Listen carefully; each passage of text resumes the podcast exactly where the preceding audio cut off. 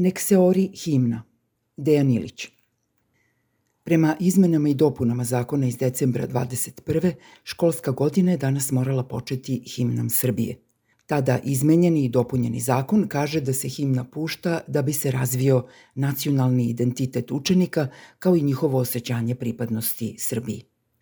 Kako će ta himna zvučati u školi Vladislava Ribnikar i u školama u selima oko Mladenovca, posebno je pitanje – Školska godina 2022-2023 takođe je počela himnom, kao i godina pre nje.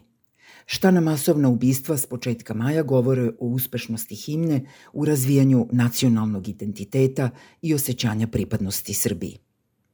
Neću da kažem da postoji veza između razvijanja nacionalnog identiteta i osjećanja pripadnosti Srbiji i masovnih ubistava – Naprotiv, hoću da kažem da nacionalni identitet i osjećanje pripadnosti ne pomažu mnogo, pogotovo ako se razvijaju himnom.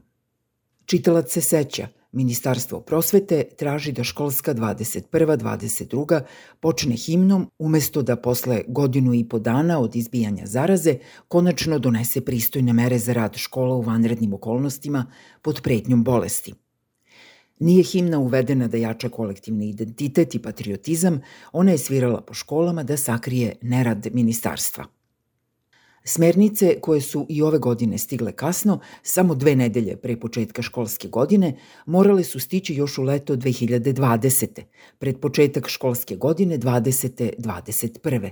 Nije se dogodilo. Neko je mislio da će zaraza nestati, kao što danas veruje da će se masovna ubistva od 3. i 4. maja zaboraviti ako himna bude svirala dovoljno glasno. Već u leto 2021. u evropskim zemljama govorilo se da bi takozvane COVID generacije školaraca mogle biti izgubljene, to jest da će kada odrastu ta deca imati poteškoće da postanu funkcionalni članovi zajednice. U leto 22. to se već prihvatalo kao nesporna tvrdnja. Kod nas se o tome uopšte nije razgovaralo, barem ne tamo gde je o tome moralo biti reči. Ministarstvo prosvete moralo je najkasnije u leto 22 izaći s procenama o perspektivi školaraca iz ugla dvogodišnjeg školovanja u vanrednim okolnostima. Nije se desilo. Umesto toga je svirala himna. Himna je trebalo da pošalje poruku da je stanje redovno, da stvari idu svojim tokom, da neće biti nikakvih posledica katastrofalno loše grada ministarstva u kriznoj situaciji i fingiranog rada s decom u školama. Već od 21. u evropskim zemljama pravili su se planovi kako pomoći COVID generaciji. Kod nas je 2021. završena izmenama i dopunama zakona sa posebnim naglaskom na himni i razvoju nacionalnog identiteta i osjećanju pripadanja Srbiji. Kod nas je rodoljublje odgovor vlasti na svaki problem koji ne ume ili neće da reši. Tako je bilo 21. a tako je i ove 23. Jer evo u čemu je stvar. Školska 19. 20. završila se na prečac, drugog polugodišta jedva da je bilo. Ista takva bila je i 20. 21. Postojala je nada da će 21. 22. biti drugačija, ali nije, bila je ista jer je ministarstvo odbilo da uči na svojim greškama. A onda se i 22. 23. završila naglo, odlukom, opet pogrešnom, ministarstva. Počela je u vanrednim okolnostima zbog korone, a završila se masovnim ubistvima. Važno je nabrojati ove godine jer samo tako postajemo svesni da ulazimo u petu vanrednu školsku godinu za redom.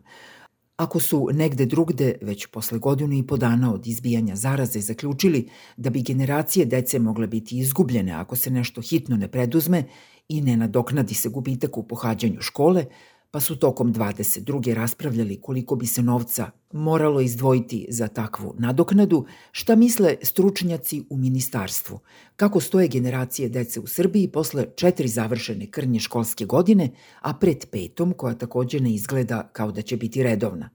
Da ih ne pitamo šta misle da urade u vezi s tim. Dosta je jedna himna.